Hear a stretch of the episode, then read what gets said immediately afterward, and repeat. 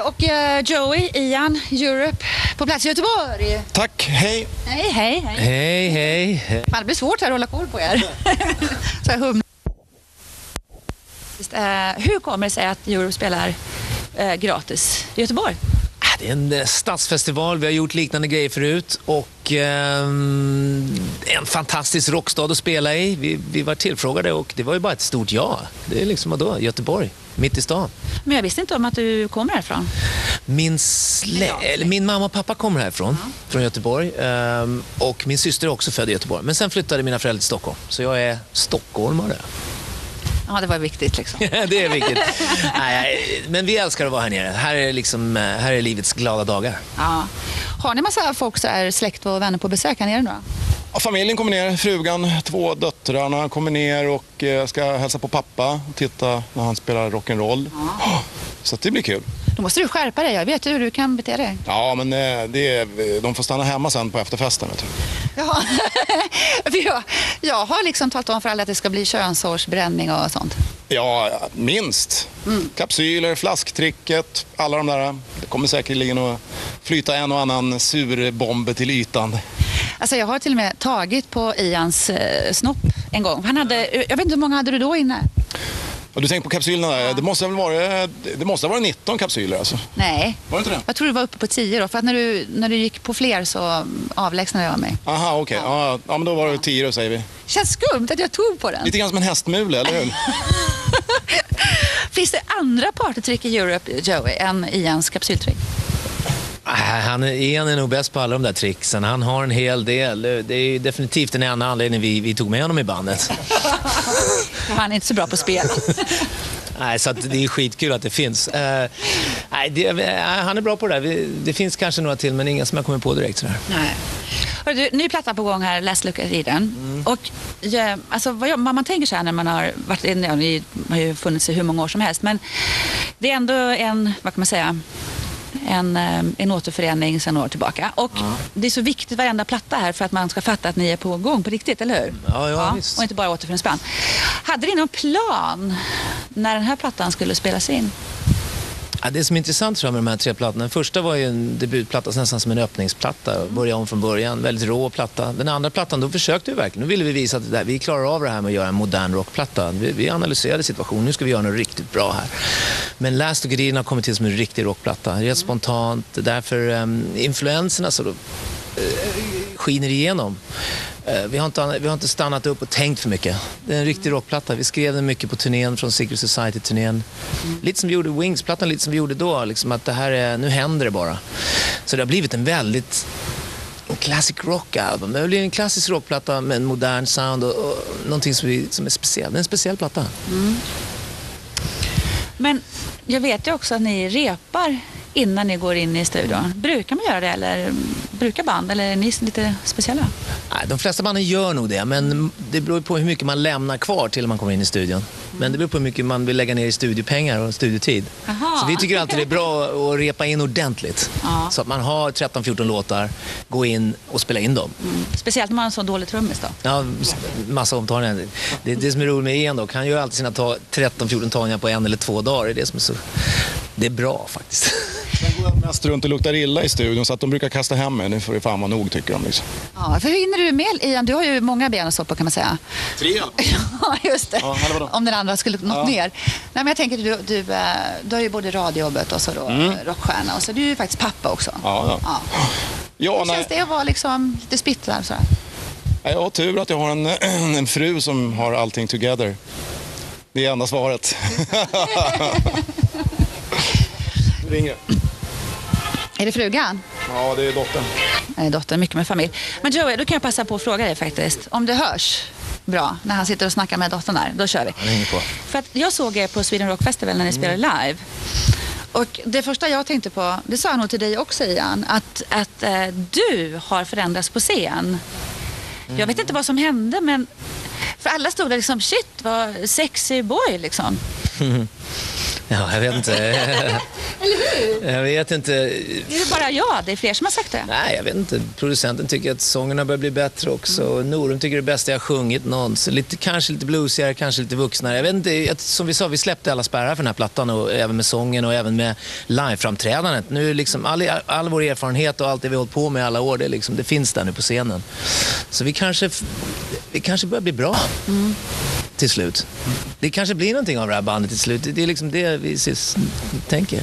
Ja, men kan det inte vara så att även om man har på länge så just när man kommer tillbaka igen och man har mycket prestationsångest och sådana saker också, att när det släpper och man bara njuter. Mm, det, det har du rätt i. Du har ju träffat många, du har intervjuat många band så, här, så du kanske fått de, eh, de indikationerna. Det stämmer faktiskt. Eh, alltså, Coverdale säger samma sak. Har den kontrollen man har nu i karriären så kan man slappna av och släppa loss på ett annat sätt. Mm. Nu är han lite äldre än vad vi är, men vi, vi, vi börjar väl känna samma sak. Att vi har en erfarenhet, otrolig erfarenhet nu. Mm.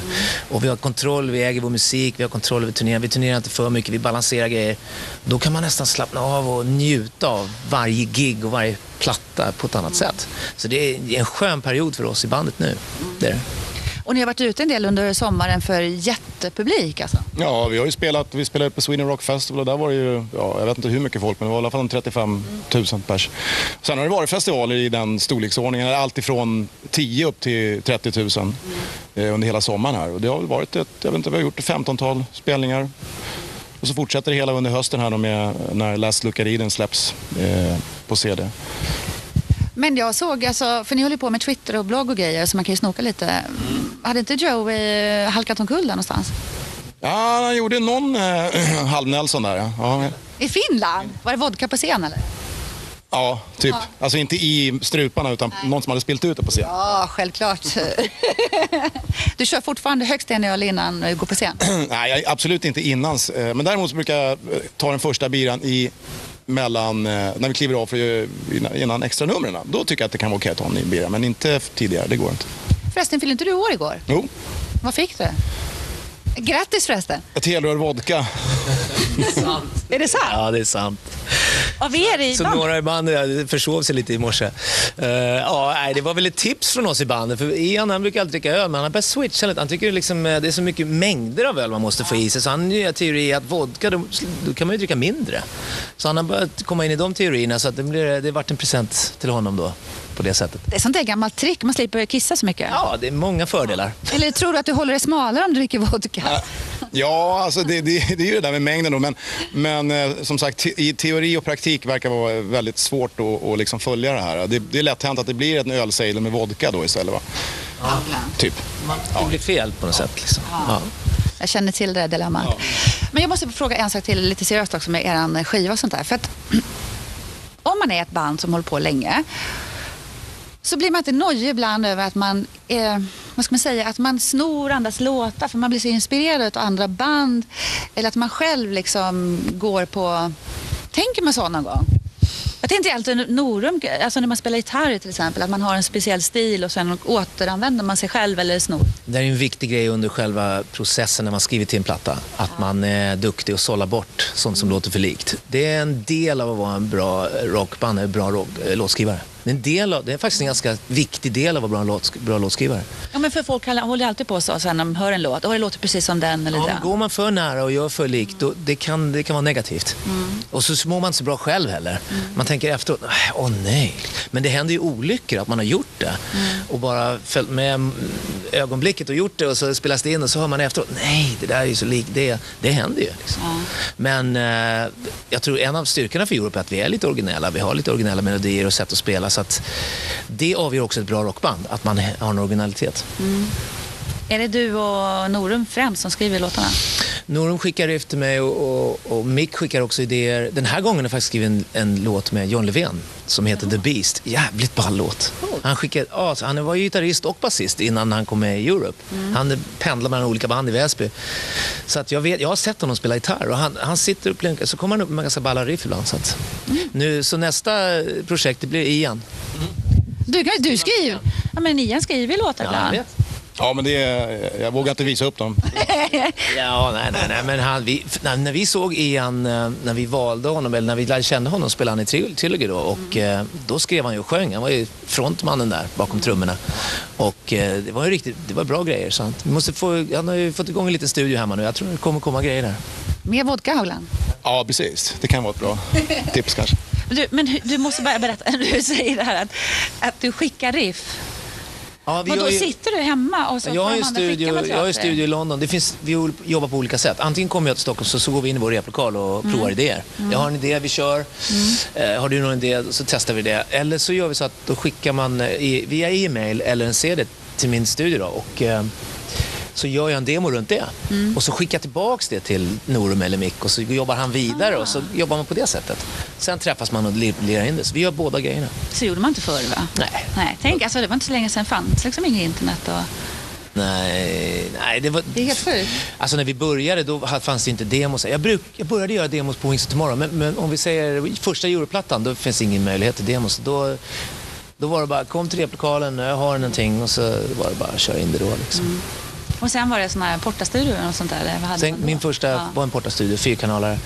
Sen gick jag upp till en Tascam åtta kanaler. Där gjorde jag mycket av uh, alla Countdown alltså, det var på en Tascam åtta kanaler gjorde jag demos på.